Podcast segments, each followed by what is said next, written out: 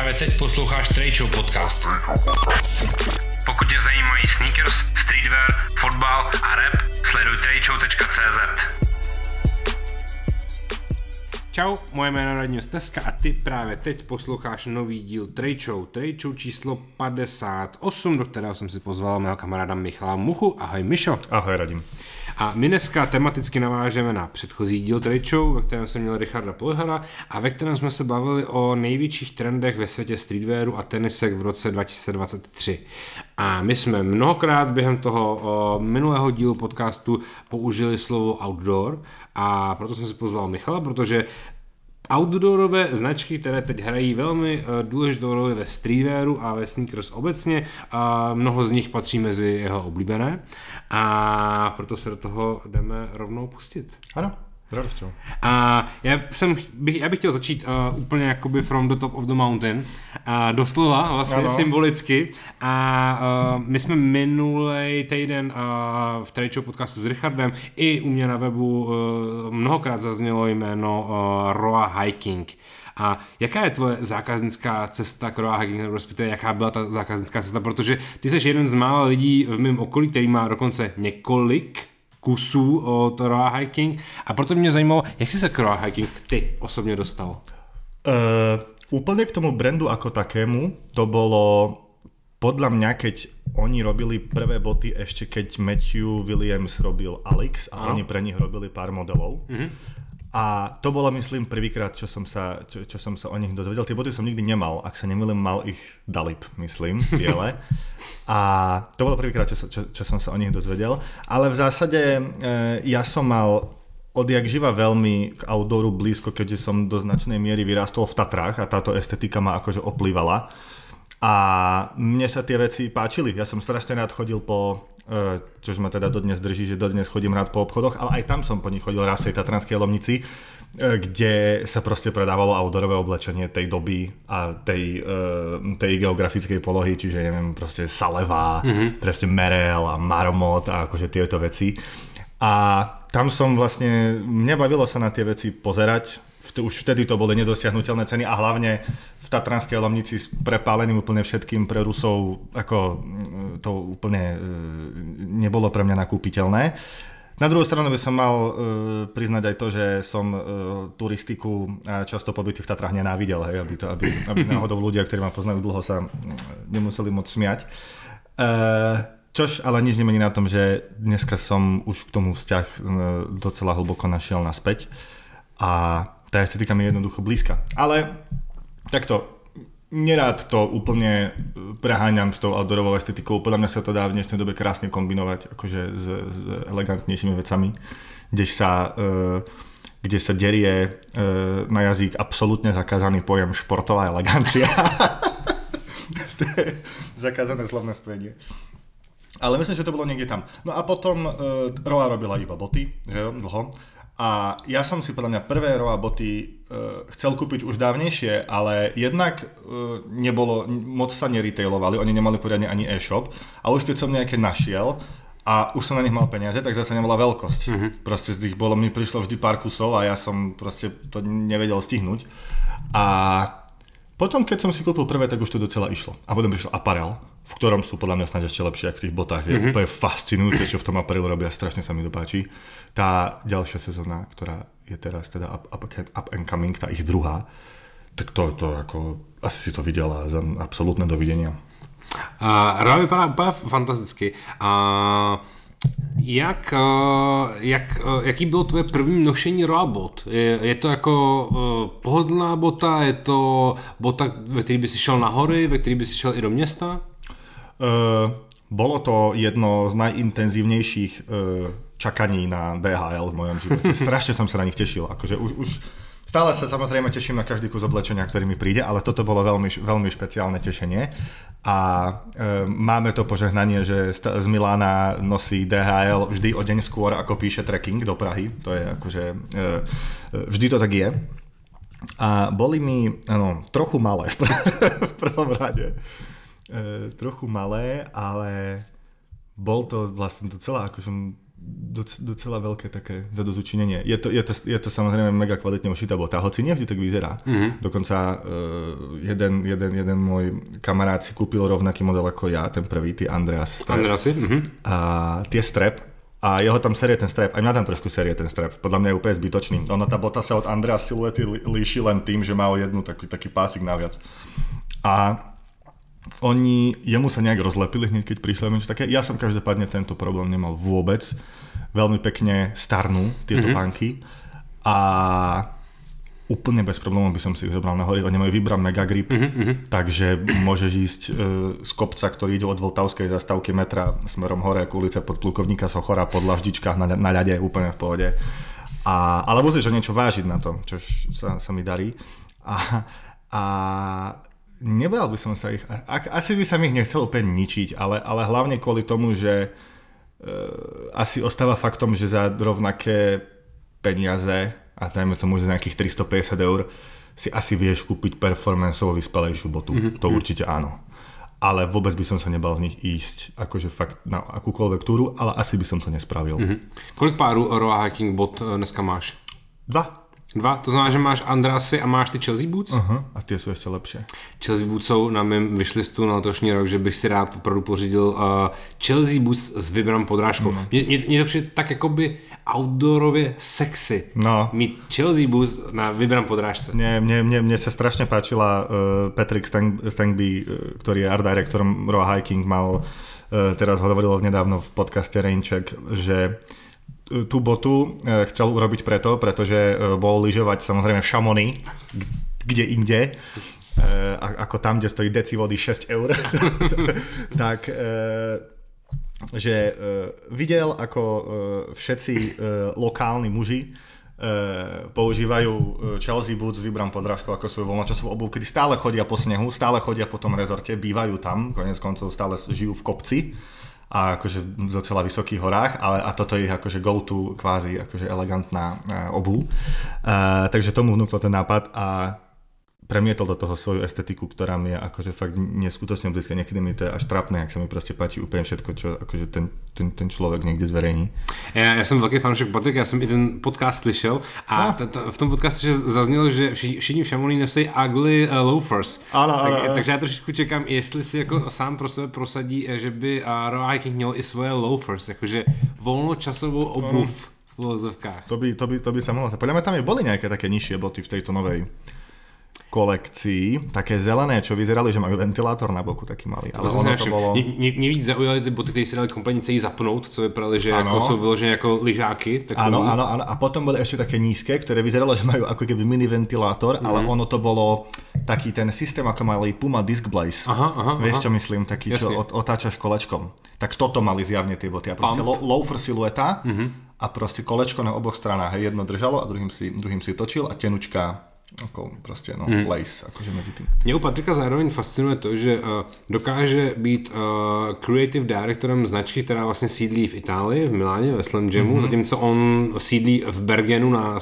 no. severu Norska a je to pro mě takový jako hezký příklad jako moderní značky, která dokáže fakt pracovat jako kompletně remotely, hmm. i přestože on si vlastně k sobě domů nechává posílat materiály yeah. a vzorky a pak vlastně jako přes Zoom to diskutuje s designerským týmem no. Slam Jamu v Itálii čož by mi prišlo ako nekonečne otravné. Ja zrovna, ja viem v zásade iba okrajovo, ako takýto proces e, vyzerá a keby mám e, tú česť ho v tomto konkrétnom prípade byť jeho súčasťou, tak rozhodne to nerobím cez Zoom, mm-hmm. povedať. Ale asi to má svoj význam v jeho prípade. Myslím si, že e, aj z toho, čo on hovoril, je asi potrebné, aby, aby, aby, žil, aby žil tam, kde žije. Ostatne v Miláne si, si nezaběháš úplně na horách a no. ne, neotestuješ nic eh, ve sněhu a na, hmm. na hajkuješ, jako dál to není úplně daleko, ale není to přece úplně je to také. A akože v, tom, v Bergen tomu asi trošku určitě má možnost viac naložiť. Tomu ver. A je to a verím, že je to úplne krásne miesto, ja som teda v Norsku nikdy nebol, Miguel, prepáč, už ti to dva roky slubujem, a, ale ja chápem asi, že v tom prostredí potrebuje byť aby, mm-hmm. aby tie veci vyzerali, ako vyzerajú. Ostatne on to nerobil odjak živa, ak sa nemýlim. Ne, přesně tak, on je podle mě dva roky, v, no. respektive Roa eh, vznikla v roce 2016, hmm. I guess, což uh-huh. sedm let a já si myslím, že on je tam dva nebo tři roky a on uh-huh. vlastně jakoby primárně vstoupil do Roa uh, kvůli tomu, aby uh, byl tím creative directorem pro Apparel, protože vlastně uh-huh. Apparel oni Chceli vyví, vyvíjeli, vyvíjeli relativně dlouhou dobu a vlastně si zmínil, že teď vlastně je druhá, třetí sezóna nebo něco takový druhá. Takže uh, i to je ta jeho hlavní úloha, mm. protože oni co se týče jakoby footwearu, tak oni nedělají už žádný velký development. Oni jsou založeni na Kataríně, na Andrasovi, což jsou jakoby ty jejich uh, klasické siluety a nerozšiřují to portfolio takže by každý rok udělali nový model. Ne, nepotřebují. Oni udělají tři, čtyři nových colorway, mm. že jo, protože to ne, Ale te, te, teraz už ale prišli nové modely. Mm-hmm. Teraz ostatne tie Chelsea boli nový, boli nový model a sú samozrejme akože z najmekšej jahňacej kože, aká môže byť, ktorá je ešte zo spodu podšitá, akože hovedzou, vie, že no. A zároveň uh, on se o footwear nestará úplně uh, moc, protože, a já to teď rychle zkusím uh, si uh, najít u sebe na webu v jednom článku, o uh, footwear sekci v Raw Hacking se stará... Ten Giorgio uh, Nordo, či jak se volá? Uh, já ti to řeknu hned. Jeho jméno je... A ne, tak já jsem se to tady nenapsal. Ale je to poměrně jako starší pán Ital, který dlouhý roky pracoval ve Vibramu Aha. a on uh, právě jakoby developuje kompletně celý footwear v hacking pro Slam Jam. Á, ah, ok. Ja neviem, to, lebo ten, tak to nebude pre ten Giorgio Nordio, ak to, ak to správne čítam, pretože on vyzeral, že je docela mladý, ale určite tam niečo robí. G, podtržník Nordio. Uh, já si myslím, že jsem to psal někde v nějakém článku, ale tak to nemůžu najít. Nevadí. A Michale, je Roa worth the price? Protože se tady bavíme o tom, že Roa je rozhodně nejdražší značka, který se dneska asi pravděpodobně budeme bavit. A myslím si, že mnoho lidí zaujme, uh, jak, jakou Roa Hiking má cenovku a konec konců Patrik to právě i v tom podcastu zmiňoval, že a jestli je něco nejhorší na jeho práci, tak je to vysvětlovat lidem, proč je Roa Hiking tak drahá značka. Hmm. Ja, uh, ako, či, či, či by mi to uh, Patrick tak mi vysvetloval, alebo nie, uh, ja veľmi dobre viem, prečo je móda tohto druhu drahá ja si to plne uvedomujem a bol by, boli by sme asi všetci radšej, keby si to viac uvedomovali aj ostatní zákazníci. A tým nejak nechcem ako uh, justifikovať, že kupovať si 15 tisíc korunové dopánky je normálne. Nie je a je, je môjim privilégiom, za ktoré si síce môžem sám, ale stále je to privilégium, uh, že, že si ich kupovať môžem. Ale konec koncov, uh, ak, ak vieš, čo navrhnúť a vyrobiť a predať takúto vec stojí, tak tá cena dáva zmysel. Všetko je robené v Taliansku, čo je a snáď po Japonsku najdrahšia krajina, kde mm-hmm. môžeš módu šiť. Mm-hmm. A nie len preto, že to je na tom tagu napísané, ale tie veci ako vyzerajú tak, že sú... A hovorím nielen o botách, ale aj o aparele. E, a, ale faktom je, že možno to pri niektorých veciach prestrelili s tou cenou, pri niektorých to nedáva zmysel. Ja by som bol rád, keby tam dali aj niečo lacnejšie, lebo stále je veľa vecí, ktoré sa do kolekcií zaradzujú preto, že vlastne aj vo veľmi vysokej kvalite nie je zase tak drahé mm. vyrobiť. A teraz mali, teraz mali zľavy docela veľké a, a tam už sa to nakupovalo trošičku ľahšie. Ale přece jenom jejich down jacket v retailu stojí 28 no. tisíc korun. To není málo. Není, není. A ja verím, že to je super. Ja som nad ňou rozmýšľal teraz v tej zľave, ale som, som ma trošku sral ten taký ten vrstevnicový print mm-hmm. na tom a už som vedel, že majú tu z tej novej kolekcie s takým tým Diamond quiltom tú svetlu, no tak tá je tá bude nutná, no. Tá bude určitě nutná. A myslíš si, že Raw Hiking jsou jedními ze spolutvůrců takový nějaký pomyslný kategorie outdoor high fashion? Nebo kam bychom zařadili Raw Hiking nebo akronym? Ja, uh, ja si myslím, že uh, Errolson Hugh ani Patrick Stang by mi neboli nadšení, keby ich ľudia hádzali do jedného vreca. Mm-hmm. Ani jeden z nich by úplne... A, a hlavne akronym je podľa mňa stále o veľa stupienkov mm-hmm. drahší. Tak tam, tam sú 2000 eurové mm-hmm. nohavice štandardom, ktoré tiež majú dôvod, prečo stojí 2000 eur ale... Protože sú vyrobené v Šumperku. Áno, sú vyrobené, sú vyrobené presne, sú vyrobené v Šumperku a, a hlavne na, na to množstvo kapes, ktoré majú, potrebuješ kilometr goretexovej onej látky.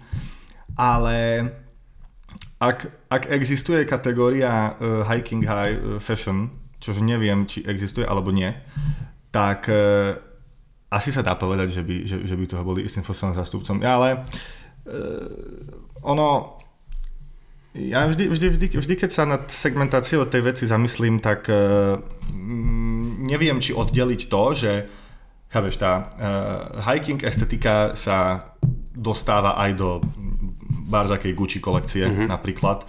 Sú stále také presne tie značky, ktoré sa predávajú vo všetkých uh, Chamonix a, a, a podobných akože mestách, typu, ja neviem, Bogner, Ostatne Moncler, ak nemyslím Genius, tak ako Moncler ako taký tiež vychádza no. akože z, podob, z podobného oného. Tak to mi príde ako úplne samostatná vec, tak, čo, to, ktorú, veľa, ktorá, ktorú veľa ľudí vere vlastne ako relatívne nevkusnú módu. Mm-hmm. Vieš, kožušinky, lesklé bundy, červené, no, ako vieš, čo myslím, taká akože... Obe, obecne lyžařská móda áno, není moc Je, je to vyslovene lyžařská móda, presne tak. A to, čo, to, čo robí Roa, mi zase príde ako niečo iné a potom to, čo robí Akrony, mi zase príde ako niečo iné. Mm-hmm. Hej? Že uh, neviem, či by sme to vedeli hodiť do jedného a ja, ja, ja, ja si myslím, že ak- akronym v tým v zásade veľa asi spoločného nemá. Ostatne, ja si často ani neviem predstaviť to kombinovať. Akože do istej miery asi hej, ale iba, iba uh, veľmi komplexnú roa vec s veľmi jednoduchou akroným vecou. Mm-hmm. Chápeš, že keď si predstavíš, že by si zobral proste takú tú, tú jak, jak sa volá tá budná, ja som už aj zabudol, taká tá najvymakanejšia, tá, oni čo z ňou robí, ja, to karate, mm-hmm. tak chápeš, čomu by si si to oblekol od, od rohy, vieš, že to je taká, ona, že ne, nevidím tam proste mm. úplne ten prienik, že jednou je bola taká tá tech-ish éra mm. hodne, a toto už je vlastně další nějaký. Od by se tomu plně dali vzít pouze a, a Cold War kolabo ty no. Andreas Buckle. No, a, například, to bylo i u vás vlastně. Ano, přesně tak. Máme, máme stále ve Foodshopu nějaký slevy pravděpodobně, protože tam byl taky retail někde okolo 14 tisíc nebo něco takového. Byly strašně. Byly drahší jako... A, a zároveň já si myslím, že paradoxně si myslím, že a Roa kolaba jsou ošklivější než Roa inline kolekce, co se týče bot. Mm. Mně se ani, ani Cold Wall, ani Alex kolaba nelíbily, mm. byly taky moc jako přeplácený. Já asi obecně nejsem úplně jako velkým fanouškem o Cold Wall. Uh, Já mám, no. Mm, mám bundu jednu. Mají maj hezké věci, ale ne úplně jako všechny jsou jako můj cup of tea. Hej, hej. A co si myslíš o tom, že Arcteryx se v poslední době chce stáhnout uh, z fashion obchodu a těžce jako bojují, vlastně bojují až jako necení to, že jejich bundy flexují 16 letý teenageři na TikToku. Obzvlášť v Londýně a v UK obecně. Hej, hej, hej, a sprchujú sa v nich. Áno. A, a e, jako takto, ja e, z, z, mo, z mojej brandiackej pozície e, mi je akože samozrejme e, sympatický akože ne, nejaký udržateľný rast a akože úcta k tej značke a tak ďalej a tak ďalej. A jasné, Arcteryx proste zažíva s týmto, s týmto trendom je akože balansuje na hrane toho, že proste začnú byť played out, čož určite mm. nechcú. E, vybrali si ale akože extrémne radikálne riešenie, si myslím lebo sa s tým podľa dá pracovať akože trošku krajšie. E, podobne ako to urobil napríklad Stussy, mm-hmm. o ktorom si sa vlastne s Richardom bavili a mm-hmm. ty to urobili akože podobne, ako by som to spravil. Ja, áno, ono to chce pár rokov, ktoré budú, predpokladám, že náročné pre Stussy, ale e, neviem, do akej miery to v skutočnosti ten Arcteryx urobí. Vieš, že, že ako to bude vlastne na konci vyzerať.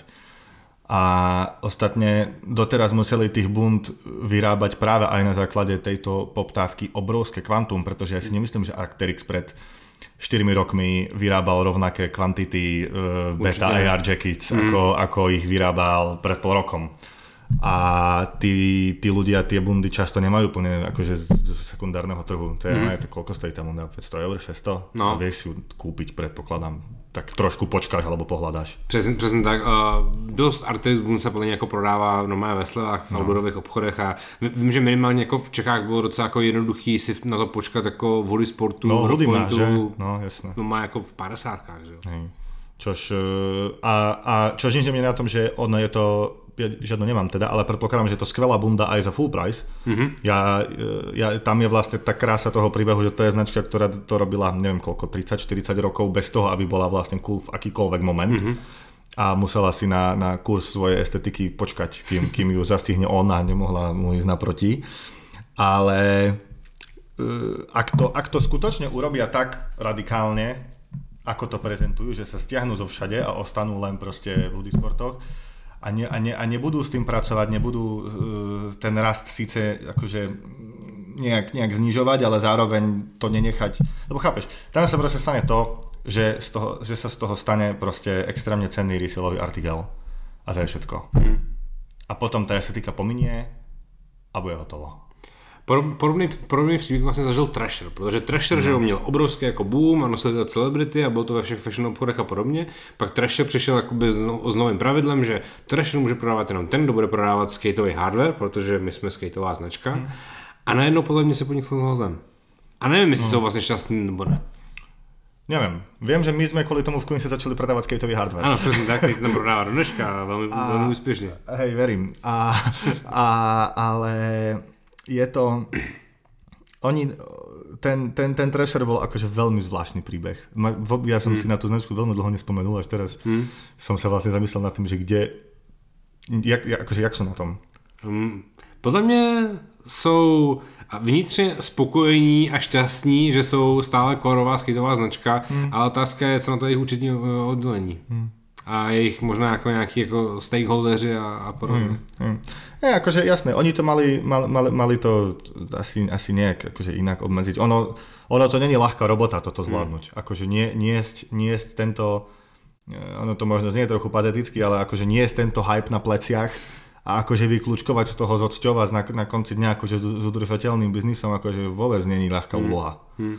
A možno, možno, nie, možno nie vždy je vôbec možné ju urobiť správne asi, asi dosť záleží od artiklu a myslím si, že sa to ľahšie robí s 500 eurovou bundou ako s 20 eurovým tričkom. Mm-hmm. A pojďme se ještě vrátit zpátky k tomu Arterixu. A já jsem si tady totiž poznamenal, že myslím, že i v tom podcastu, který jsme tady několikrát zmiňovali, právě zaznělo, že Arterix uh, má ještě svou takzvanou Leaf kolekci, mm-hmm. kterou ty si podle mě tak dva, tři roky zpátky dost hantil. Ano, ano, ano. A uh, to je uh, kolekce, která je určená pro jakoby military business prim, primárně a Leaf kolekci Arterix kompletně stáhnou z retailu a bude vlastně dostupná pouze pro a military uh, odběratele, to znamená vyloženě pro jako armády, se dá říct, a nedá se vo, vo, volně koupit.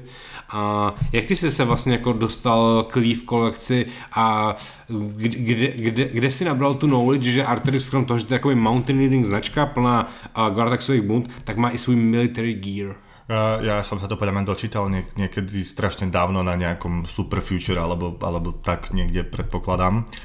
A vlastne ono to nebolo ani úplne hneď cool. Tam sa vlastne stala kedysi taká vec, že e, Virgil a Blo a na, na, následne aj Drake mali myslím takú, takú zelenú, fakt strašne peknú bundu. Mm-hmm. A tam, tam sa to nejak akože s tým, s tým asi roztrhlo v rece. A Vždy, vždy bol problém to zohnať. Ja si nepamätám, že by akože Leaf sa dal kúpiť že úplne v pohode. Mm-hmm. Ne, nebolo, nebolo to nikdy len tak, ale ono to myslím nie iba military, ale aj e, akože pre e, pre akože technických pracovníkov v mhm. zmysle, mm-hmm. neviem, predpokladám, že keď v Kanade robíš elektrické vedenie napríklad, mm-hmm. hej, niekde proste hore, tak e, tento, tento štýl prác, možno ropné plošiny, vieš, a, a tieto veci. Proste extrémne prostredie pracovné. Takže viem že, viem, že aj tam si to môžeš robiť, nemusíš byť armáda, ale uh, dokonca som čítal, že oni už ani, to bude už iba made to order. Ono sa mm-hmm. už ani nebude mm-hmm. robiť ten stok, že oni ti to vyrobia, len keď si to objednáš a zaplatíš, tak vtedy to dostaneš. A no, uh, príde mi to tiež také, akože mm, tajnú vojenskú technológiu armádnu z toho nezískaš podľa mňa, akože mm. z bundy ani, ani z termotrička. Ale možno trošku chápem, že to možno hnevá tých, eh, tých odberateľov v zmysle armády, že to proste nechcú. Ostatní není úplne štandardné, že si vieš aj z, neviem teda čo nosí naša armáda, ale asi není úplne štandardné, že si to akože vieš len tak kúpiť v obchode. Mm-hmm. Asi. Tie veci sa dostávajú k ľuďom, ale vieš väčšinou vyradené. Mm. Hej, jasné, zoženieš to v takých tých army surplus obchodoch. Všech jo, presne tak. No, ale, ale nemyslím, že to že to dokážeš uh, len tak ich si kúpiť. Neviem, nikdy som to nezháňal úprimne, ale je strašne cool, že kanadská armáda nosí Arcteryx. tak.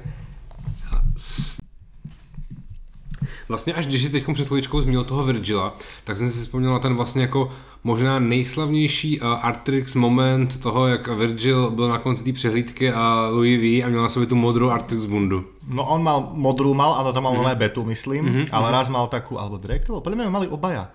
Taká zelená, rôzne odtiene zelenej, taký jak strašne pekne urobené kamo. Mm-hmm ako keby sprejom, ako fakt krutá bunda. Vybavujú si to, vybavujú tak to, no. proste, tak to, to, to, to bol asi prvý moment, kedy Leaf išiel tak hodne na verejnosť, no. Mm-hmm.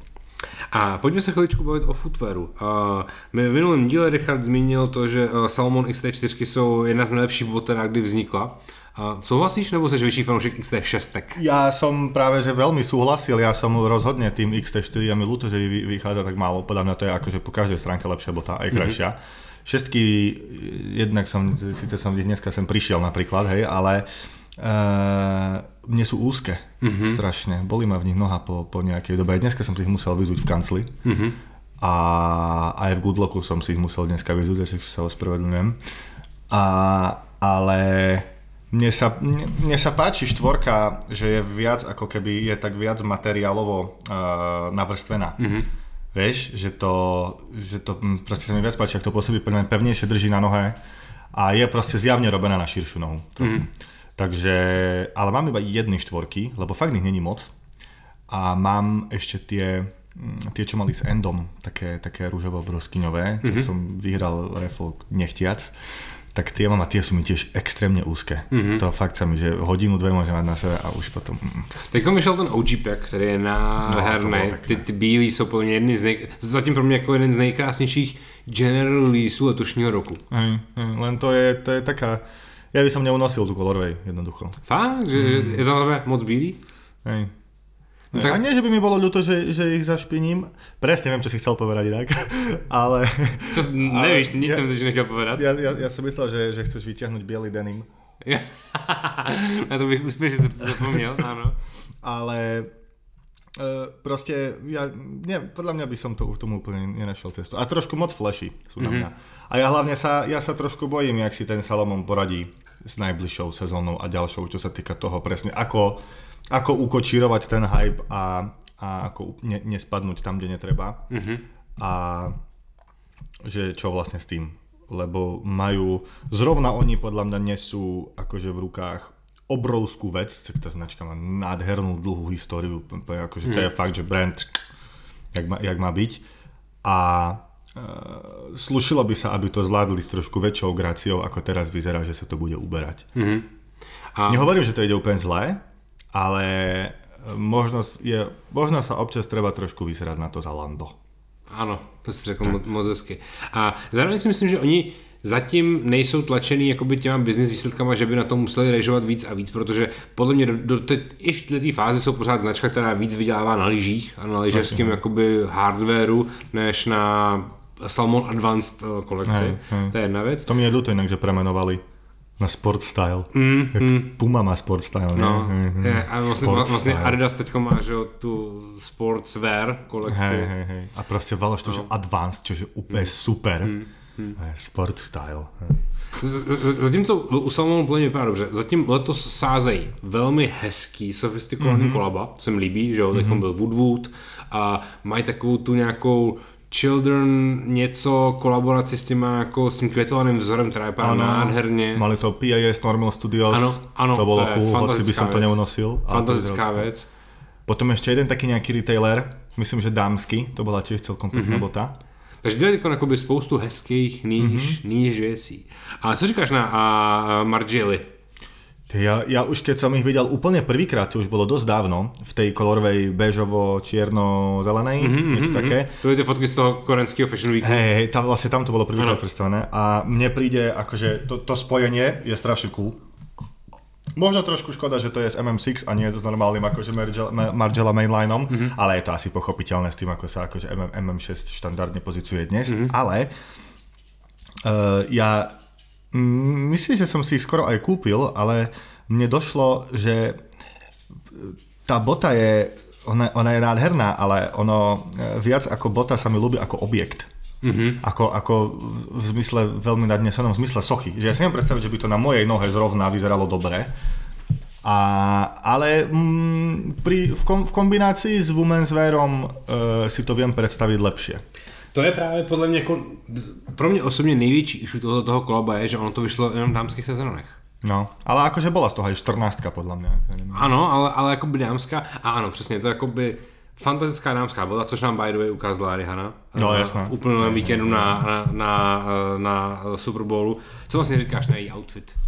Krutý, mne sa, mne, mne, mne sa to ľúbilo a páčilo sa mi, že e, rob, robila to celé veľmi rianovsky a ten styling nebol komunikovaný so Salomonom. Mm-hmm. Ak to teda není akože klamstvo, ale nemyslím si, že v takejto hlúposti by museli ani, klamať. Ani, ani ne, protože ty celočervený to je vlastně fall winter release, takže vlastně no, jako to stará, není, to není ani nová bota. No, mm. presne.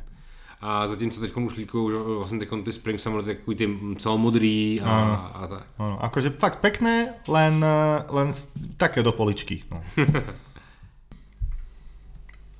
Mně se uh, u Salomon, no respektive takhle, Trošilinku se bojím jedné věci a Salomon v, teďkom v tom kolabu z Voodoo vlastně představil novou siluetu a mm-hmm. já se lehonce bojím, aby se v tom lidi brzo nestratili, protože ty boty jsou si dost podobné všechny no. a, a dokud podle mě budou jet velmi rozumný množství kolorových XT4, XT6, tak to pro ten brand bude super, dostane se to třeba do nějakého mainstreamu, což mm. jako jim samozřejmě přejeme, a aby toho pak jako jenom neudělali zbytečně moc. No, a akože e, mohli by e, začať aj ten aparel k tomu trošku akože, mm. ladiť postupne. Ja chápem, že oni ho robia, robia ho historicky a rob, robili ho vždy a jeho kvantum, ale sú, sú, sú to veľmi akože performanceovi to lyžiarské veci. Mm-hmm. No, akože, a trošku, trošku mi to tam chýba.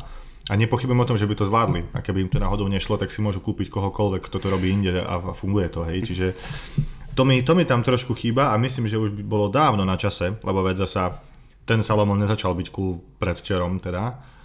Takže mi je trošku divné, že to, že, že to, že to toľko trvá. Mm-hmm.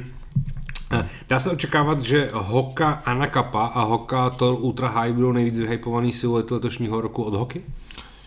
Mne sa lúbia a potom sú tam ešte tie jedny nové úplne, také, čo majú taký zips uh, v strede. Jo, to sú ty uh, Project Clifton. Áno, áno, áno, mm-hmm, presne to. Mm-hmm. Tak to, to mi príde, že bude snať, snať ešte viac. Mm-hmm, to je pravda, a, som to zapomnel. A mne sa, mne sa ľúbi aj ten model, s ktorým teraz robili tí JLLA. Mm-hmm. To bolo strašne dobré, nepodarilo sa mi to bohužiaľ kúpiť do rytí a chcel som veľmi.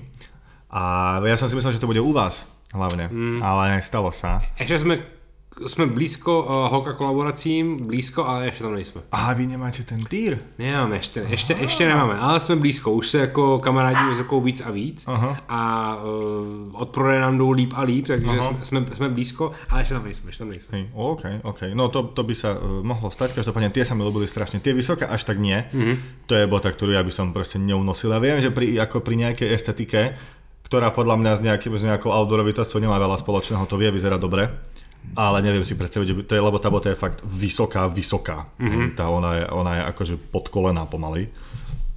Takže tam, tam sa úplne nevidím, ale tie, tie lows sa mi ľúbili mm-hmm. brutálne, že sú k ním 4 páry šnúrok. Áno, áno, áno, přesně tak.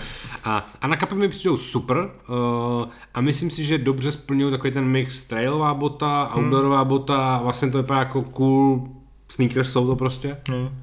Ja mám, ja mám iba jedny vlastne, také úplne celé olivovo-zelené samozrejme a full Gore-Texové. Mm-hmm. Zabudol som, jak sa volá ten model a boli u vás. A chodí sa mi v tom strašne dobre. Je to akože veľmi, veľmi e, príjemná obú. Mm-hmm. A uh, len nie, nie je to vlastne úplne presne ten model, ktorý som pôvodne chcel, ak sa nemýlim. Neorientujem sa v ich mm-hmm. akože line-upe úplne a strašne sa mi to zlieva ale dobre sa v tom chodí. Veľmi. Aj, aj, aj v zime je tá bota celkom použiteľná tým, že má Gore-Tex a že má mm-hmm. extrémne hrubú podrážku, ano. tak je to vlastne v pohode aj v chlade, hoci teda nezvyknem už nosiť tenisky v zime, ale toto si úplne ako keď, keď idem cvičiť, tak úplne v pohode si to, si to obujem na mhm. cestu. Mm-hmm. Já furt čekám, kdy jako Hoka začne mít takový jako nějaký jako v slavný momenty, že jasně ty ultratory eh, barkrát měl na sebe káněj, ale furt čekám, že jako udělají jako dost dobrý, komerčně dobře uchopitelný kolabo. Možná mm-hmm. ho neudělají a možná to ani není potřeba, ale jenom si myslím, že jako takhle. Třeba nám ve Foodshopu se hoka fakt jako prodává fantasticky, prodává se fakt? líp než Salomon. Vážně? Opravdu to jako prodáme slovo. Ale pořád, okay. ale pořád si myslím, že to prodáme ještě trošičku víc běžcům, než, eh, než jakoby sneakerheadům. Aha. A protože těch bod vlastně jakoby na trhu není až tolik, takže i já vlastně jsem si pořídil své první hoky na běhání a jsem s nimi extrémně spokojený a chci určitě jakoby na každodenní nošení nějaký. A takže furt čekám, jako kdy přijde nějaký jako cool kolabo, protože to, co vyšlo teď na začátku letošního roku, bylo hodně sofistikovaný ještě, že jo? Uh-huh. Oni jsou co, Korejci, Japonci? Hoka? Ne, uh, J, L, ko, ko, ko, Korejci. No, Korejci, Korej, Korej, Korejci přesně tak. Korejci. Takže, takže furt čekám, kde jako Hoka bude mít jako slavný moment, který ještě víc jako vystartuje kam ven. Ano. A mo, možno by bolo strašne cool, keby sa to podarilo bez kolaba akohokoľvek. To, to, by, to, by, to by mi bolo brutálne sympatické, keby sa to stalo. A ja som vlastne ani, ani nevedel, že oni zjavne, podľa toho, čo hovoríš, ani nerozdeľujú e, to, že je nejaký performance a je nejaký lifestyle.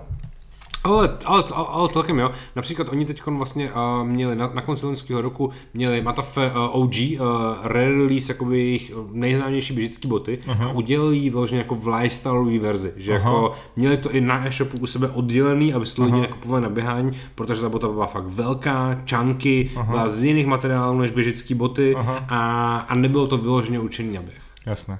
Ale ich teda bežecká vec je stále akože obrovská meká podrážka a tenučký vrch. Přesně tak. A, a, je to skvělé. Já jsem si v nich zvyknul hodně běhat, protože mě na těch botách vyhovuje to, že jsou jakoby velký, široký a pohodlný. Není to jako klasická jako běžecká šlubka, která tě drží jako dobře stabil, sta, stabilní. Uh-huh. Hoky jsou primárně pohodlný a má jakoby skvělý ten cushioning. Mm. Áno, to je brutál fakt, no. Nevím, Což... po, ak, nevím, jak dlouho vydrží teda úprimně já mám svoje první hoky na nějakých jako, jako 200-300 km a furt jsme jako spolu spokojení. Úplně, okay, úplně okay. v Uvidíme, jestli to zvládneme třeba přes 500. Uh-huh. A zároveň běhám teď třeba asfalt běhám a v Kalm Monsterech od ONU a tam uh-huh. už jsme přes 500 km, nějakých 550 a už začínám cítit, že to začíná být ten cushioning blbej. Tomu například nevím přiznat chuť vůbec. Nedokážu. Já jsem mu propad vlastně, byl, já jsem, já jsem byl já asi bych nepoužil slovo hater, ale nikdy jsem nebyl fanoušek onu. Nelíbily se mi designové. Mně to přišlo jak absolutně přesně uh, lyžiarsko bohatofotrová věc. Totálně. Ano, ano, to se přesně tak dá popsat, ale musím přiznat, že a poslední rok mě designově začaly bavit víc a víc, obzvlášť model Clown Monster je podle mě jako fakt hezký Aha. a a musím říct, že mám skvělou osobní zkušenost, protože zdravím Pepu Ulricha eh, z ONU českého, který byl natolik skvělý a hodný a fantastický, že mi věnoval jeden pár hok, abych si, uh, jeden pár ONU, abych si je vyzkoušel na běhání. Aha. A opravdu jsem v nich naběhal přes 500 km, jsem z nich nadšený. Okay. Takže okay. veľ, veľký palec nahoru pro on. Ja som, akože eh, mňa, mňa k tomu vlastne ten, ten jeden bod sympatie, čo som preto mal spočíval akože v Rogerovi Federerovi. Mm-hmm.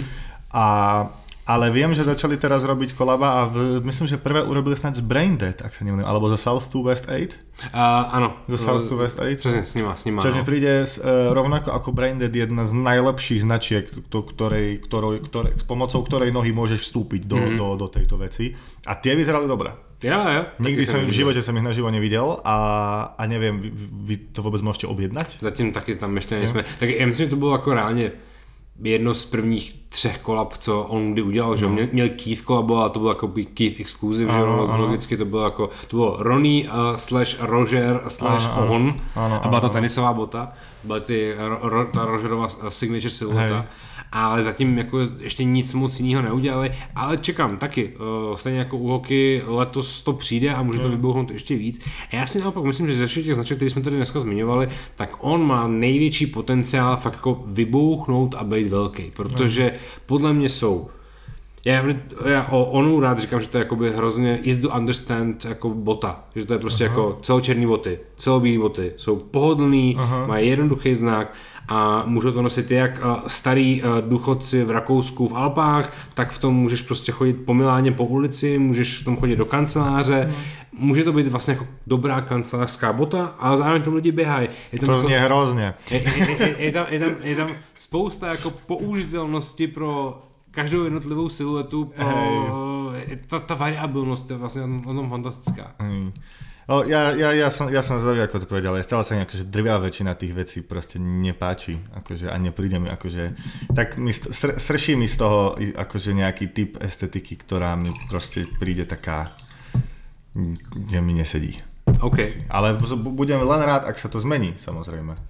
A Merel a jejich uh, extrémistický uh, Tier 1 TRL uh, Vybouchne to letos, anebo ty jejich Crocs zapadnou mezi všema ostatníma? Po, podľa mňa záleží, či Crocs urobí tie, čo raz urobil.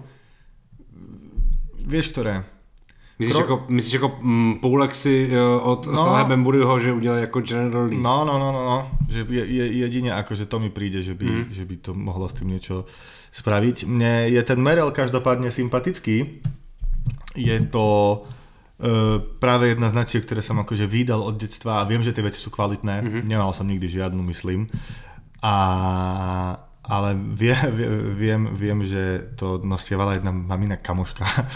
A, ale mne sa ľúbia tie kloks, akože mne, mne príde, jo? že to je proste dobre urobené.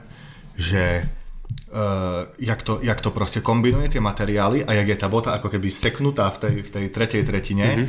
a je to, jak to má tú prácku vzadu, akože aj mi to príde, že sa to bude dať nosiť proste, na boso by som to nechcel robiť, ale napríklad s, s čanky vlnenými ponožkami, mm-hmm, mm-hmm. A, a, alebo, alebo s takým niečím, ale k dlhým nohaviciam. E, vlastne práve pri krátkych by to podľa mňa vyzeralo horšie ako, ako, ako pri dlhých a ja uh, ako budem rád, keď sa mi dostanú do rúk jedny. Mě, mě, mě jako možná trošku trápí ten price point, který je poměrně vysoký. Koľko to stojí? Protože ty ty uh, kloky, které jsou vlastně jakoby vysoký v ty jako hikový, hikingový Aha. verzi, co mají i takovou, takovou, takovou ponožku, Hej. to stojí 180 liber. Fú. Je to, Hej, jakoby, to je, je, je to vlastně to je... na podobném price pointu jako Salahe Bembury Crocsy. Áno. Čož je akože dosť na to, že sú to ako mm, elevated mhm. pantofle. Mm-hmm. Áno, plastový. No ešte k tomu. A neviem z akého matra to, lebo z akého matra to robíme, lebo veď Crocs to robí stále z toho svojho špeciálneho one, pol, polystyréniku. Mm-hmm. Neviem, z čoho to, čoho to robí Merel. Ja si myslím, že to bude veľmi podobný, něco, něco jako podobná technologie, že to bude no. prostě nějaká jako pěna, lomeno polyester, lomeno něco no. vlastně jako velmi jednoduchého na výrobu. Hej. A, a zároveň viem si predstaviť, že taká vec nemôže stať moc veľa, pretože ty keď raz vyrobíš ten mold, mm-hmm. do ktorého proste pod tlakom striekaš ten materiál, tak ono, tá bota je hotová, hej, mm-hmm. akože tým momentom, keď to schladíš a rozpolíš. Takže hej, je to veľa, 180 libier bude, bude, bude po európskej daní nejakých koľko, no 220 eur kľudne. No, tak. Čož, hej no, je to, je, je to moc. Čož nič mi na tom, že to za to úplne kľudne dám, keď A k, od menších značek přejdeme k té úplně největší, největší. Co říkáš na posledních pár kolekcí Nike ACG? Z Nike ťažko.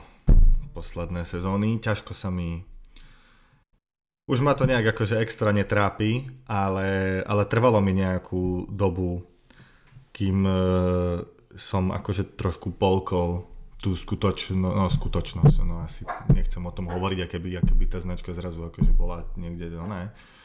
Ale kým som nejak akože spracoval a prijal to, že, že jak to povedať, skrát, že nič nie je navždy, asi, tak e, mi, som z toho proste bol sklamaný, áno a bolo mi vlastne ľúto trošku jednu dobu, kam smerovalo to ACG, e, čož je vlastne vec, ktorú sme sem proste spoločne dotiahli, že jo, takže o, o toto bolo horšie, ale Príde mi, že možno trošku našli niť. Ja som, mám dokonca, som si kúpil bundu, ten mm-hmm. nedávno u vás. Ja viem, viem. Uh, jak to, síce ty to asi A tá bola, tá bola, tá je úplne super. Hoci to nie je to, nie je to goráč, je to Stormfeed a stála mm-hmm. 5000 korún, nie 15, hej, ale, ale je pekná. Ak to, ak to bude ďalej vyzerať takto, tak s tým nemám problém. Mohli by niečo k- urobiť konečne uh, sakra s tým uh, footwearom. Áno. To mi je, to mi je ľúto, pritom proste som na tisíc, som, som, som na tisíc percent presvedčený, že to, že to môžu urobiť miliónkrát lepšie, ale im z nejakého dôvodu príde, že, že, že vlastne takto je to úplne fajn. A ja, ja rozumiem, že, že potrebujú štvrtýkrát skúsiť oživiť Terra Humara e, siluetu cez Supreme a následne cez ACG a, a potom to zasa nevíde. Mm-hmm. A zasa to bude v outlete. Ale a viem, že by to urobili proste tisíckrát lepšie. Hmm. To, mi je, to, to mi je proste jediné, jediné trochu ľúto. A Nike všeobecne, no... Uh, nedá sa to robiť do nekonečna. Ja verím, že ešte, ešte ich, ich, ich, ich chvíľa vrcholu coolnessu nie, príde znovu. A e, ten problém, ktorý majú je samozrejme aj akože v nejakom, nejakom pom, pom, pomyselnom, e, pomyselnom začiatku post-sneaker éry a tak ďalej, čo proste nehrá ich karty logicky. A, ale dúfam, že to nedopadne nejakou tragédiou. Čo si nemyslím. Jo, já si také myslím. Si myslím. Já, já si myslím, že obecně a Nike ACG, pokud je tam použitý Polartek, tak to většinou vypadá dobře. No, pokud, je, pokud je tam Goratex, tak to taky většinou vypadá, hmm. vypadá dobře. A mají solidní bottoms, jakoby obecně, že jo, takový ty klasický jakoby cargo pants jsou ano. vlastně fajn, jsou ty summit pants, myslím. A, ale z čeho jsem samozřejmě smutný, tak je ten footwear. A já jsem uh, majitelem uh, Nike Air uh, Gai a Dome, nebo jak se to vy, uh, uh, vyslovuje, což jsou teď jejich poslední uh, Goratexový uh, hiking boots uh, s cenovkou za 5799, které jsou super, které jsou fakt dobrý a, a je to první... A to jsou, to jsou tie, čo vychádzajú z Movabou?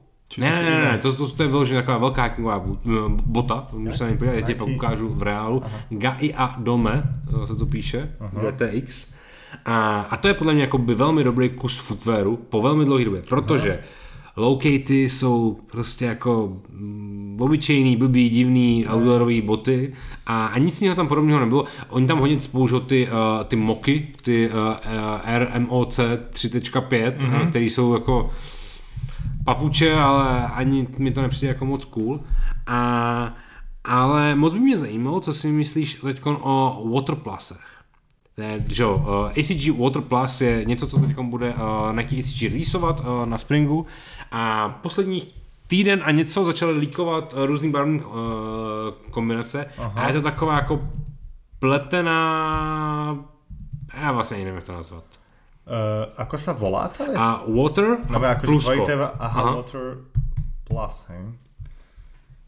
OK, OK, OK, už na to pozerám. A možná, když si dáš uh, rychle Instagram Nike ECG Daily, tak včera tam zrovna uh, líkovali dvě nebo tři kalorie, takový jako oranžový, černý, uh, hnědo, oranžový nebo něco takového. A já vlastně furt, ještě, ještě jsem si na ně nestihl udělat názor, jestli se mi to velmi líbí. To je ta, to je ta celobílá, přesně no. tak, to je ta celobílá, no. na se teď díváme. Ja som, uh, pamätám sa, že mal som takú svoju e, éru, kedy sa mi uh, strašne ľúbili Ježiš, tie Wol, mm, Nike Air. Airwoven. Airwoven vlastne, áno, Airwoven sa volali, to, to sa mi brutálne ľúbilo. Tá éra trvala vďaka Bohu docela krátko. Ale, a toto je vlastne docela sympatické. Je to, je to extrémne ťažko nosi, nositeľná mm, vec, mm. A e, vďaka Bohu, že som sa o to nepokúšal, keď som mal tak 22. Ale myslím, že dneska už by som to jako... Teď se zrovna docela... díváme jako černo-oranžovou colorovej, která je fajn. A je tam pak jako celofialová, která mi přijde cool. Ako, no, Akože myslím, myslím si, že správne hovorím, z čoho to vychádza. Mm-hmm. Ne? Akože bude to nejaký Airwoven. Oni, oni mali dokonca aj taký ten mokasinovejší model. Mm-hmm. Oni, veď, e, e, nejaký HTM z toho bol snáď urobený neviem, či Kolet náhodou nemalo svoj, svoj, svoj, svoj, svoje kolabo na tom. A viem, že akože to bola taká francúzska bota, taká parížska mm-hmm. bota. U nás mm-hmm. to, na nohách som to videl podľa mňa jednotky krát v živote niekomu. A mne to prišlo vždy docela sympatické a to, fuj, z hora to vyzerá zvláštne teda, ale...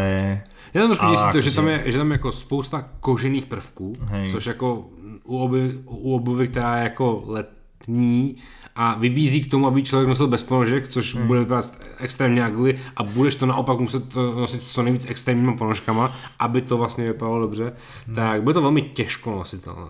Ale je, je to pekne spravené a príde mi, že veľmi vystihuje akože práve esenciu Nike tvorby a dizajnu footwearu, to jak tá, to, jak tá bota vlastne vyzerá. To, to, aký proces zvolili a ľúbi sa mi, ako je ten midsole prešitý tou kožou, tým hrubým až martensovským švom mm-hmm. ku, ku, ku spodku. To je, to, je, to je docela cool. Akože vyskúšam to, nebudú drahé, predpokladám, veď tie si veci nebudú. Může stát podle mě 100, 120, no. to bude třeba no. euro. Nebo a budete to mať? Ja, ja, ja, budeme, budeme, budeme. No, tak na, to, to jedný určite skúsim. Jednu určite skúsim. Aj tieto, tieto, mm, ako sa volajú? Tyhle ty Gore-Texy, nevím, jak se jmenují zlové, ale ty, ty, jsou super. Ty jsou, ty- zase se budu opakovat stejně jako u toho, u toho aparelu. Tam, kde Nike použije Gore-Tex, tak to většinou dopadne velmi dobře. No, hej, hej. Ale, ale aj tie stormfitové veci sa mi akože ľúbia. Len ten materiál proste nedýcha. Tam, tam Mhm. Punda je proste... Ja sa pamätám, že ja som mal jednu, podľa mňa jednu z prvých Nike Stormfit uh, Nike Lab uh, pariek, čo mi ešte uh, Kovo uh, riešil svojho času. A tá bunda akože veľ, veľ, veľmi dobre odvádza vlhkosť zvonku, ale veľmi zle odvádza vlhkosť znútra. A čiže to je také, no akože performance, je to fakt do mesta maximálne, ale to ideálne, nech ti není moc teplo. Zaregistroval si na Highsnobiety shopu uh, značku Keen. Áno, áno, áno, áno. A je to akože... Ja som, vždy som to vnímal, oni robili snad, tu sa podľa mňa od nich predávali, že slnečné okuliare a sandále snad, ne, alebo niečo. A potom som videl, že s nimi robila Nicole McLaughlin. Mhm, a ona bola v ich nejakých archívoch v Japonsku a všetko to ukázala, čo tam je a to bolo kruté, akože čo, veľa, veľa z tých vecí, ktoré oni vyrábajú dnes, my sme v živote nevideli. A zjavne aj akože historicky to bolo docela cool. A mne sa to, mne sa to v zásade páči, neviem ale ako, ako vyzerá to, čo sa na tom Highest Nobiety shope z toho kínu predáva. No je to právě extrémně hnusný. Jsou tam jako dvě boty, jsou extrémně hnusný Aha. a řekl jsem si, proč je sakra Keen na Highsnobiety shopu. A pak jsem si až v popisku přečetl, že to je Engineered Garments. kolabo. Jasné. No je to... Akože tieto, tieto, tieto sandále, ktoré tam majú už teraz samozrejme v zľave zo 110 na 55, tak e, no musíš podľa mňa mať akože 55 rokov aj na to. Ale má to veľmi Nike Water Plus vibes. Táto vec. No je, je, je to zvláštne, ale vďaka tým sandálom docela chápem. Tým sandálom docela chápem. Je to proste, je to, je, je to japonská obú, hej. Áno. Že má to takú estetiku. Tie z Engineered Garments, tie sú fakt, tie sú fakt zlé. A to mám veľmi rád Engineered Garments. Ale toto by som neobúval. Ježiš Maria, to je zlé. Za- Zároveň to vypadá jako velmi general releaseovsky, že mm-hmm. prostě kdybys to potkal v lokálním obchodě s ortopedickou obuví, tak si řekneš, že ano, že to tam patří a že by to mělo stát 1690 korun. Áno, a ešte sú aj samozrejme pičo hnedé. Čože ja som ten posledný, ktorý by sa mal smiať z nosenia hnedých vecí. Ale, ale hej, no, vyzerá, vyzerá to tak, jak to vyzerá. Ale ke, po, z toho, ako vyzeral ten archív, tak akože z toho kľudne môže byť ešte, ešte vážna vec. Nehádzal by som to ako do koša. OK. Jaký jsou podle tebe další jiný up and coming outdoorový značky? Já jsem si tady napsal, že Gramiči může být dobrý. Hej, môže, být ale dobrý. tam je strašne vidieť, že to je lacné. Jo? Brutálne ma to sere. Aj tie... No habice som si párkrát u vás skúšal. Mm-hmm. Žiadne mi neboli dobré, keďže to má proste sizing taký, že Japonský. no, ja, ja, japonsko-talianský sizing. Žiadne mi neboli dobré, čože akože je ich vina, to je vina mojej riti, hej, mm. ale akože uh, je to proste tak ne, nedobre to bolo ušité, respektíve už som zvyknutý, že veci sú ušité trošku inak. Mm-hmm. Takže, takže to ma trošku sralo, ale esteticky sa mi to ľúbi. Chcel som strašne ešte vyskúšať jedný nohavice, asi nejaký nový model, ktorý som u vás už nevidel, ale boli niekde na Ende alebo na Slam Jame. Také viac akože hiking pants a nemali veľkosť. A vedel som, že potrebujem 3XL a, No, a no. ne, nemali ho proste. A, ale celé boli dobre nacenené, stále podľa mňa neviem 80 eur alebo, mm-hmm. alebo niečo také. A takže est, esteticky to dáva zmysel a ale ne, neviem sa úplne stotožniť s, tou, s tou proste kvalitou. Ukazovali nám takom bajeři uh, Fall Winter 23 katalog, pomáhali jsme jim s výběrem nějakým, který se nám líbil a vypadalo to fakt moc hezky. Pokračujeme dál s Gramiči, takže doufáme, že i produkčně to bude líp zvládnutý než, uh, než ty předchozí. No, mohlo by, lebo je to škoda, lebo zjav, zjavne to vedia mm. robiť, aj, aj ten brand je vlastne docela mm. pekný. Mm. Len, len ten sizing, akože mm. mi príde proste divný. Mm. Vieš, neviem, ak to sú na tom zvršky, nikdy som nemal žiaden, ale nohavice vrajím som vždy pekne vrátil. Co další japonská značka? Snowpeak. Myslíš, že z Japonska dostane, se dostane Snowpeak jako víc do povědomí třeba v Evropě? Podľa mňa hej, podľa mňa hej a ono to není zas také drahé a len e, podľa mňa si, podľa mňa si v Snowpeaku ešte úplne uvedomujú, že e, čo e, znamená Snowpeak mm-hmm. v našich končinách. A aj to tak vyzerá, čo je vlastne sympatické, to je vla- vlastne, vlastne cool. Ale myslím si, že pri každej takto položenej otázke pri akejkoľvek značke je, je ab- absolútne kľúčové, ako sa zachová v tom bode, kedy zistí, že už, si, už sa nosí inak ako to, mm-hmm. ako si oni myslia. Mm-hmm. Hej? A mm, iba na základe tohto bodu sa podľa mňa dá akože povedať, že či to, či to teda zvládli alebo nie a či to bude akože up and coming. Ale prajem im to, je to, je, je to docela pekné. Ale ľúbi sa mi uh, to, to JLAL, mm-hmm. ALL, AL samozrejme, to je, to je fakt dobré. Mm-hmm. To, nemám, nemám nič teda, ale, ale je to fakt dobré. Námačeko sa mi strašne páči a tiež nič nemám mm-hmm. stále. Mm-hmm.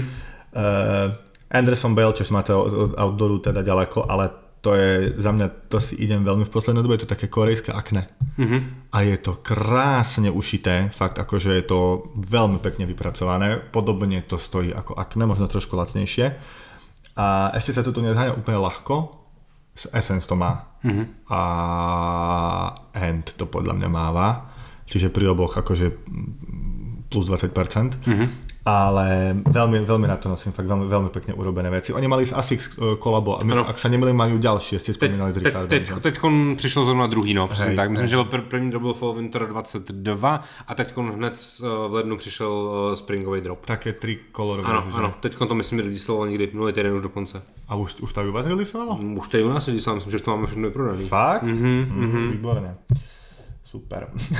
A Sage Nation sa mi ľúbi, high-end SEO skôr je mhm. brutálne, ale to sa nedá zohnať. Mm. Akože nie, nie, nie len, že oni ti, oni ti to ani nešipnú a zasa uh, vieš, akože riešiť, ako to za mňa v Koreji kúpi a pošla mi zase akože tak na hlavu nesom ešte. No. Hoci ja viem, že kedy si to s japonskými vecami bola jediná cesta, ako sem niečo dostať a myslím, že som ju tiež raz absolvoval a možno práve preto už nechcem absolvovať nikdy, nikdy viac znova lebo vieš, im, im je úplne jedno, že, že, že, že to chceme nie, akože nejak, nejaký Európania, mi tu, je im to úplne ukradnuté, je to strašne vidieť. Mm-hmm. Ešte weby si prekladáš cez oni, cez Safari, uh, Page Translate do angličtiny. Ale z našich, uh, z našich sa im strašne ľúbi Our Legacy v poslednej dobe, mm-hmm. to nosím veľmi rád. A Our, Our Legacy je cool. Akne stále. Podľa mňa sú ako je za, za, za, zase na docela dobrej, dobrej trati. A a, a, a... Hm. Rozmýšľam, čo mi ešte, ešte posledne e, padalo do oka. Ale okrem, okrem tých, čo sme menovali, mi už, mi už asi nenapadá, nenapadá nič. End Wonder. Mm-hmm. Teda End, End Wonder. E, tam som si nedávno kúpil tašku od nich, takú, takú fitkovú ktorú som, neviem, keď som si ju kupoval, som myslel, že nebude fitková, prišla dosť je fitková, ale uh, je, to, je to cool, je to z toho X-Pack materiál, mm-hmm. taký strašne ľahučký materiál na, na battery, fakt to vidíš cez to, ale zároveň to je extrémne pevné. A je to brutálne užité, akože je, je, je, je, to fakt krásna taška. A chcel by som od nich skúsiť, uh, viem, že majú veľmi pekné vesty za, doc- za docela dobré ceny, také mm-hmm. puffy vesty v občas, hej, väčšinou ich videí v kolorovej typu bronzová, a, ale, ale, alebo biela. Ale e, ať ich veci, keď sú v čiernej alebo v nejakej použiteľnejšej farbe, tak sa strašne rýchlo vypredajú a hlavne size 4, ktorý mi nebol jediný možno dobrý, tak ten, tak ten, je, ten je preč hneď. Ale to je Wonder ma baví, akože mm-hmm. tá, tá estetika toho. A a vlastne e, som zvedavý, jak bude vyzerať ďalší Wood Wood po tom, čo robil ten Salomon, ktorý to, ktorý to mm-hmm. mega svedčí podľa mňa. Mm-hmm. A Wood Wood vec som nie, že nemal, ale nevidel som roky žiaden Woodwood. Ja som nevidel, že to ešte funguje vôbec úprimne. No, on, oni sa vydali dost jako cestou toho, že chtějí být, on, oni, se, oni se hrozně chtěli jakoby přiblížit třeba Acne, a tady tím směrem jako chtěli jít a chtěli jít jako do Selfridges a vlastně chtěli jít pryč ze streetwearových obchodů aha, aha. a chtěli být jenom jako by vyloženě v filozofkách na, paříž, na pařížský, aha. ale taky se po někde jako troši, trošilinku zacyklili aha. a teď, když jsem viděl tu Woodwood kolabo, tak si myslím, že tam se zase možná jako zpátky našli. Možná, možná jim pomohlo to, že se vrátili zpátky do té koreňské ulice, kde mhm. všichni chodí v Salomonech. Ano, ano, a, rebra samozřejmě. A, a to jim podle mě jako svědčí mnohem víc. Hej, hej, hej. Nikdy nezabudnem na ich blondet toho Sielsaka. Na Kristiana? Áno, áno, áno. O, o ktorom sme sa bavili s Richardem v predchádzajúcom podcaste, o tom, jak sa ožil v Krkonoši. Ježišmária. Kr- ja, ja vlastne, áno, to bolo v Krku, no, Genius. On to, a robí to stále pre nich teda? Ne, on je, on je commercial director v Han. Okay, Takže my jsme okay. s ním ve Foodshopu v kontaktu, respektive Richard, Richard je, a on pracuje pro Hanke Open Han. Aha, aha, aha. No to, to, bol, to, bol, to bol ako genius veľký. Áno, áno. Ale, pamätám, pamätáme. Ale vlastne aj, aj Heliot Emil sa mi, sa mi ľúbi, akým ide smerom, hoci teda teraz odišiel ten ich women's wear designer, ale som zvedavý, som zvedavý kam pôjde menswear. A vlastne som rád, že ste to kúpili, nikdy, mi, nikdy by mi nenapadlo, že by ste vôbec akože do toho mohli chcieť ísť. A respektíve ako vás môže napadnúť ísť do toho a odmietnúť row, to akože to... Ja myslím, že row sme zatím neodmítli, protože sme neměli možnosť. Nie, vy ste, vy ste si ju sami odmietli. No vy, vy že chceli ste ju, ale nie, niekto ju neschválil, aby ste vôbec to začali riešiť, nie? To už sme v inej diskuzii, presne tak. No. A, ale, ale Heliot Emil uh, sa tu podľa mňa chytí mm-hmm. hodne. Akože to, to tam, tam, tam vidím docela možnosť. Nie všetko. Tam je, Problém s nimi je trochu ten, a to aj akože, ja som nikdy nevedel, kde je úplne ten problém a Nobaďák to veľmi, veľmi dobre pomenoval, že tie veci často vyzerajú dobre len keď máš úplne full look že sa to ťažko nosí s čím iným. Mm-hmm. A to je, to je trošku problém, takže mohlo byť také viac ready to wear a menej akože, mm-hmm. vieš, ko, mm-hmm. ko, ko, kolekciové. OK. A jestli je nějaká označka, která by chtěla být velmi vysoko a podle to v tuto chvíli moc nejde, tak je to Adidas Terex. Hmm. A já jsem fanouškem Adidas Terex věcí na běhání, na trail running, mám několik věcí a běhá se mi v tom fantasticky a mám i Adidas Terex boty na hiking a jsou super, ale momentálně jejich positioning, který se chce jako víc přiblížit právě do Chamonix hmm. a mezi jako bohatou skvadru lyžařů mi přijde trošku zmatený, že mi přijde, že chtějí tako až moc do extrému a až no. moc do míst, který jim nepřinesou žádný, žádný swag. No, presne. A, a, a pritom do toho ešte zakomponujú to, to vlastne And Wonder mm-hmm. kolabo, ktoré teda ako vôbec nedávalo zmysel a pritom mohlo to byť mm. akože, chápeš, to mohlo byť úplne skvelé. A myslím, že tak u vás bolo dokonca. Mm-hmm. A e, to mi, prišlo, to mi prišla ako strašná škoda. Ale neviem, e, neviem v zásade, v, v, v zásade akože prečo. Prečo si vybrali túto cestu. Či ten segment je tak strašne atraktívny akože z nejakého finančného hľadiska, alebo či to je či to je preto, že sa tam proste nejak, nejakým spôsobom chcú vidieť a, a na, tú, na, tú, na ten segment, o ktorom my hovoríme, že by sme tam ten teda chceli, majú pripravené niečo iné. Môže to tak byť. Ale není to dobré. Ja, ja, ja a pritom, pritom, akože pokiaľ viem, ja som teda nikdy nič Terex nemal, ale pokiaľ viem, tie veci akože technologicky sú brutálne vyspelé, že to proste, že to maká. Ne? A já jsem mám takový jakoby paranoidní pocit uh, ve stylu, že když si v Čechách chceš udělat kampaň a koupit si billboard, tak si ho koupíš tam, kudy, uh, kudy jezdíš. To je taková jako klasická, klasická poučka. A proto mám pocit, že ty senior uh, manažeři uh, z Herzogeného Rachu prostě chtějí, aby Terex nosili všichni ti, uh, kam jezdíš prostě v zimě nahoře. Do toho mm-hmm. Kitzbühelu mm-hmm, a, a prostě jako na ty ledovce, no. protože tam trávíš každý víkend. Hej, hej. Akože úplne kľudne to môže byť tým a som presvedčený o tom, že že high executive z, z Adidas Headquarters z Herco je toto ich mm. destinácia. Ostatne pri tom príjme by asi bola aj moja. A hej, akože vlastne toto vysvetlenie mi dáva absolútny zmysel, no. A, ale pritom, aj, ke, aj keby chceli byť takí, tak ani to není dosť dobré. Ja, si, ja pochybujem, mm. že to si kúpi niekto, kto akože doteraz nosil Prada Lina Rosa mm, mm. A, a, a, a Bogner. Vieš, že to proste ne, neviem, že prečo si to zvolil. Myslíš, myslíš si, že tomu může pomoct uh, to, že Adidas bude mít velmi brzo už to možná oznámil, teda doufám, že už to oznámil, jak neříkám něco úplně tajného, že bude mít velkou kolabo, velký kolabo uh, s Moncler?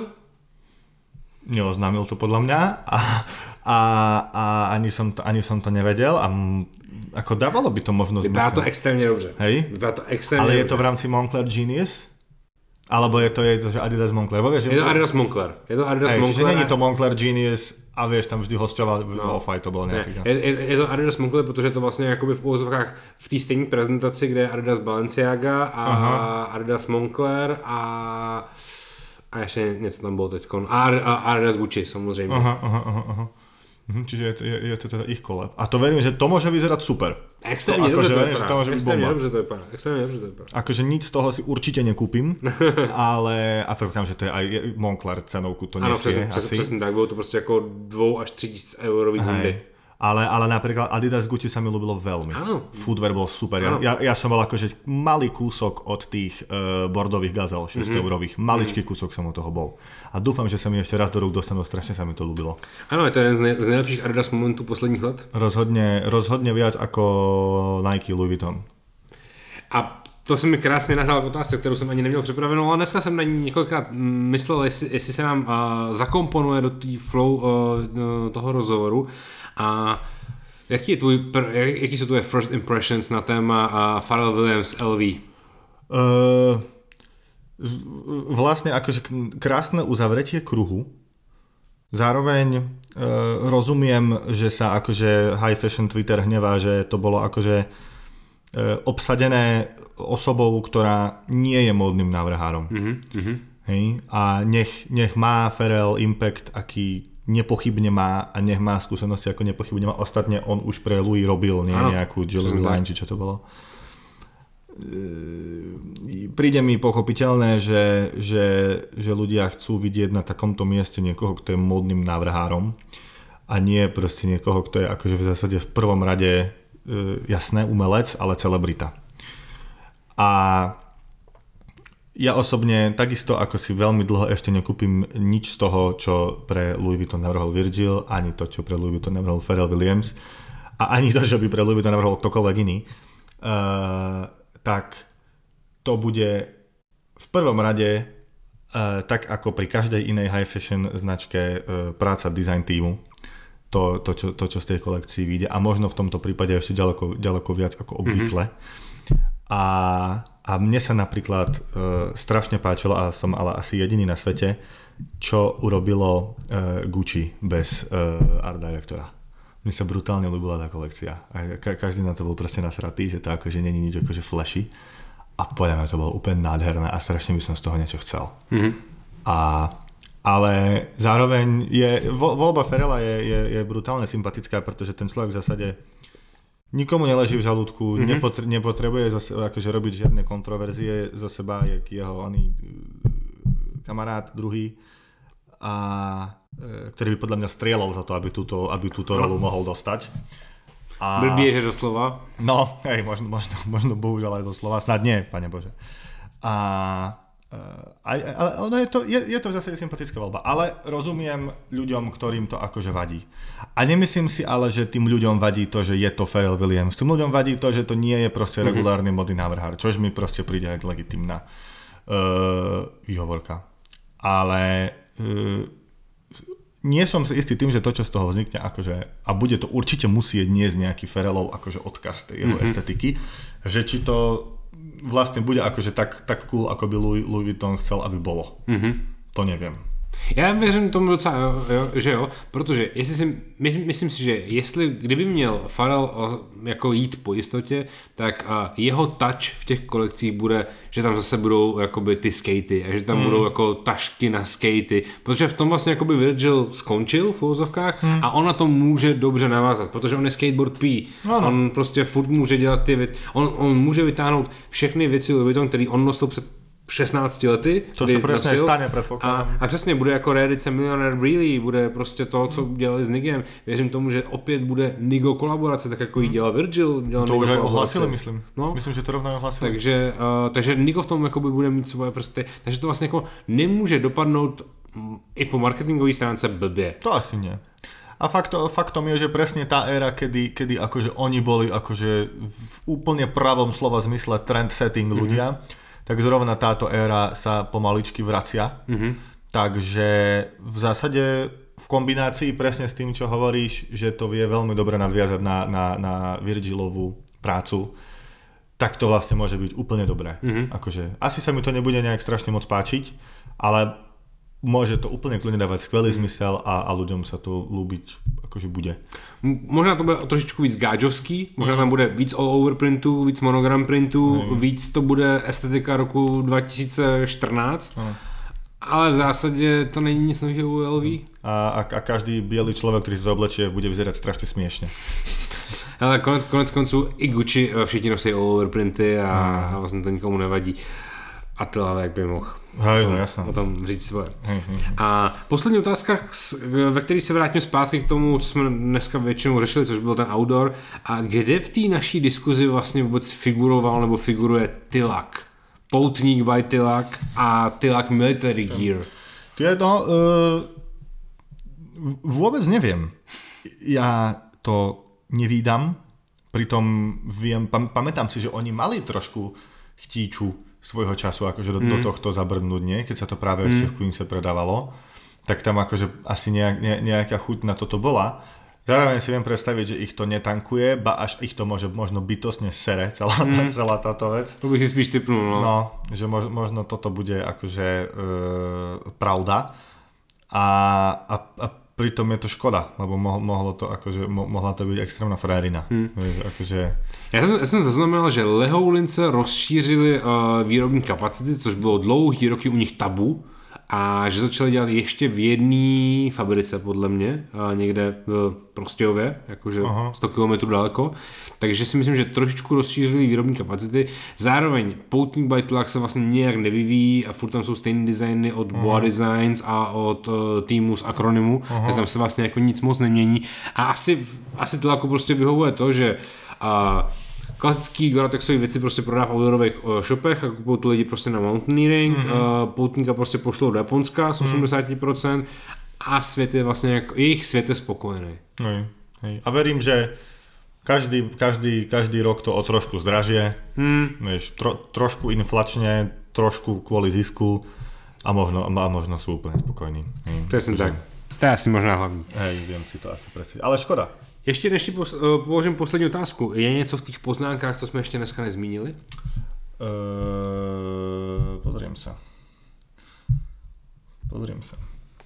Protože moje poslední otázka, kterou mám připravenou, je tvých posledních pět uh, pickups, který si, na který si patřičně hrdý. Uh, bola to teraz práve z toho horvátskeho vypredaja košela a triko. Mm-hmm. Majú strašne dobrý cut trika, taký ako taký krátky a taký akože že na, nadriť a zároveň tak, ako, tak akurátne široký, tuhá, proste dobrá látka. Mm-hmm. Vyzerá to ako úplne portugalská trička, ale robia ho tiež v Taliansku. Mm-hmm. A e, košelu s, s dajnými a je krutá, je, je fakt skvelá. Ale akože ten retail, ktorý stal, aby som za ňu v živote mm-hmm. nezaplatil. Což bolo kolik? 12? No. Mm-hmm. no. A ja som po kombinácii zľav a zľavových kódov e, došiel ku nejak 4-7, čiže a e, potom Our Legacy, nohavice, výborné, výborné, chystám, chystám, chystám sa na ďalšie. E,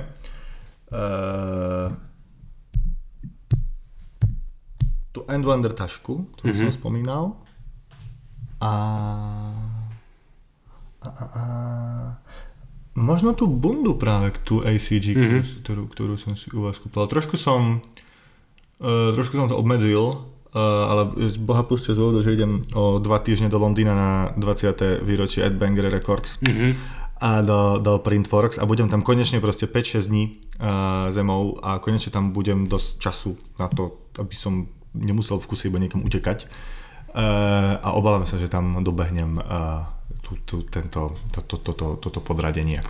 Přece v Londýně se dá hodně vybírat, hodně obchodů, hodně i japonských obchodů, no, takže... Bude to náročné. Bude to náročné, ale e, žiadne vypredaje tam už nebudú, predpokladám, tak sa, tak, sa, tak sa budem snažiť krotiť. Ale ja sa teším, vlastne sa vôbec neteším na, na, na to nakupovanie, ale na, na, na ten retail pokope. Mm-hmm. To je akože, to, to, to, to, to, ako to tam funguje, je, je vlastne strašne pekné. Je to fantastická terapie, jít do obchodu, no. je to všechno voní, hey, je krásný výběr, je to super. kde prostě môžeš ako kruzovať a... Mm. Ale keď som, keď, som, keď som tam bol naposledy, vlastne s Nabisom, s Jakubom Očenášom v júni minulého roka ešte na LCD Sound System, tak sme vlastne boli iba v ALD, v Emblem mm-hmm. a, a pršalo extrémne a bolo tam brutálne veľa ľudí a a vlastne ako pekné, jasné, tak bol to londýnsky ALD flagship, hej, mm-hmm. no mhm. tak vieš si predsa, jak taká vec vyzerá, jak som ako obývačka proste, vieš. A, ale, ale vlastne to, to bolo všetko, čo som tam stihol vidieť. Mm-hmm. A, a Margelu teda ešte, no. Mm-hmm. A tam som išiel ale s jasným cieľom. A, e, ale inak som, inak som tam akože nič, nič iného nevidel. On ani ten, ten Margela bol tiež taký zvláštny teda. Mm-hmm. Kúpil, kúpil som si tabie, šiel som do prdele. Ale e, inak som tam nič nevidel, takže teraz budem, teraz budem veľa dobiehať. Som zvedavý na, som zvedavý na End, ja som nikdy nevidel lon, lon, londýnsky proste End uh, retail, som zvedavý, jak je na tom teraz uh, Selfridges, mm-hmm. že, že v, ak, v akom to je stave. Uh, na Dover Street Market samozrejme. A som zvedavý, čo je na tom mieste, kde bol kedysi 1948 Nike London mm-hmm. Lab. ktorý tam už není, predpokladám. Mm-hmm. A, ale napríklad ten, ty, ty si spomínal s Radimom, že ten v Paríži pri Unikle ešte je? Ano, ten tam A to je ještě stále otvorené? Ano, je stále otvorené. Nic tam není zajímavého, ale Aha. je to stále otvorené. Podľa mňa na to normálne zabudli. No. Proste predavačovi chodí vyplata a občas tam proste dovezú nejaký tovar, ale... Lebo oni už, tento koncept už vlastně neexistuje pre Nike. No, já, já, já, si- já si myslím, že tam jako prostě občas jako dovezou nějakou noktu, která tam jako zmizí No. no. za, za, dva dny, a že tam prostě přesně jako pošlou nějaký ACG občas, Mhm. uh-huh. a že tam přesně jako dají vlastně Supreme Kolaba, který tam vždycky bývávali Mhm, a, a to je všechno, no. Že sa predávajú tam, potom o 600 metrov vedľa. Ano.